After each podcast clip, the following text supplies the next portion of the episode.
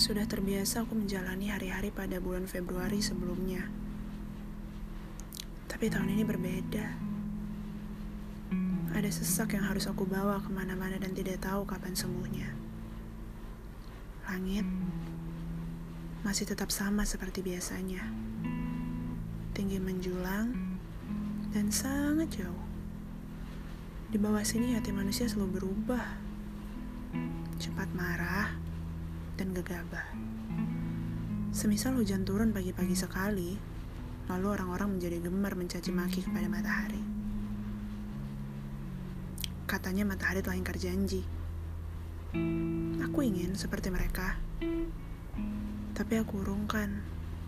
Sebab aku tidak punya hak untuk ikut campur perihal apa-apa yang sudah Tuhan tetapkan untuk terjadi.